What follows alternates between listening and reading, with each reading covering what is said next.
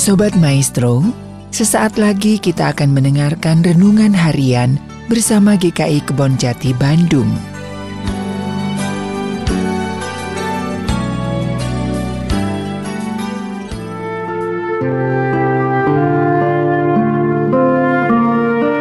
Shalom Bapak Ibu dan Saudara-saudari yang terkasih dalam Tuhan Yesus Kristus. Bagaimana kabarnya? Semoga hari ini dalam keadaan baik dan sehat. Tema hari ini adalah kebutuhan untuk diterima. Terambil dari Filipi pasal yang kedua ayat kelima sampai dengan ayatnya keenam. Demikian. Hendaklah kamu dalam hidupmu bersama menaruh pikiran dan perasaan yang terdapat juga dalam Kristus Yesus. Yang walaupun dalam rupa Allah tidak menganggap kesetaraan dengan Allah itu sebagai milik yang harus dipertahankan. Demikianlah firman Tuhan.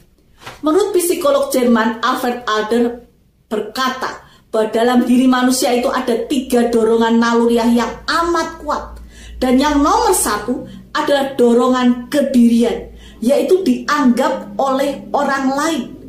Tidak kemudian orang lain menganggap kita sebagai angin lalu. Betapa tertekan dan tidak bahagianya diri kita. Jika kehadiran diri kita tidak berarti.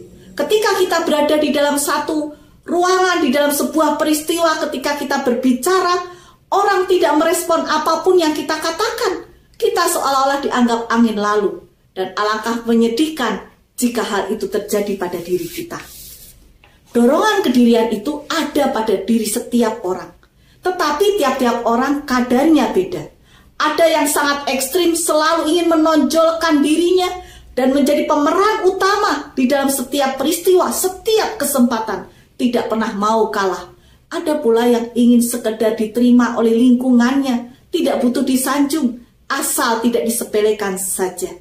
Tetapi ternyata, walaupun secara naluriah hal ini adalah nomor satu, tetapi kadang-kadang hal ini juga menimbulkan ketidakharmonisan.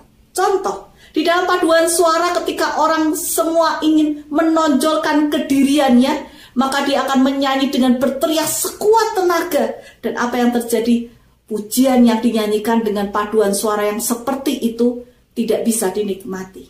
Demikian pula di dalam sebuah organisasi, ketika semua orang ingin didengarkan, ingin menjadi pemimpin, ingin ditaati, ingin diturutin, yang terjadi organisasi itu tidak akan dapat berjalan dengan baik. Apa yang Rasul Paulus ingin sampaikan di dalam firman Tuhan yang tadi kita baca bersama? Paulus mengatakan bagaimana kita memandang diri kita.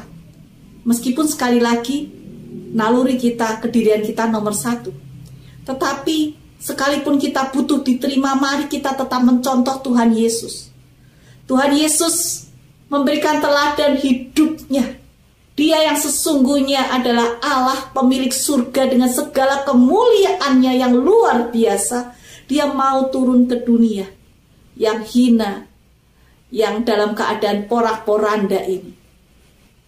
Ia ditolak oleh manusia ciptaannya, tetapi ia tetap mengasihi manusia ciptaannya. Ia mau menderita untuk manusia ciptaannya, bahkan mau mati di kayu salib untuk menebus dosa manusia yang telah menolak dirinya. Lalu bagaimana dengan diri kita? Apakah kita mau belajar kerendahan hati dan menyangkal diri? Dalam posisi apa pun kita saat ini, sebagai pemimpin perusahaan-kah, sebagai pemimpin gereja-kah, sebagai pemimpin dalam rumah tangga-kah, atau kita masing-masing juga sebagai pemimpin diri kita sendiri. Kita belajar rendah hati dan mengosongkan diri seperti Tuhan Yesus Kristus sang empunya surga dan empunya hidup kita manusia. Tuhan memberkati kita. Amin.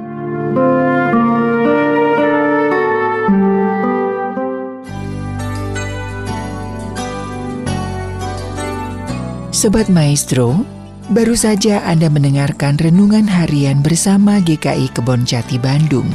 Tuhan Yesus memberkati.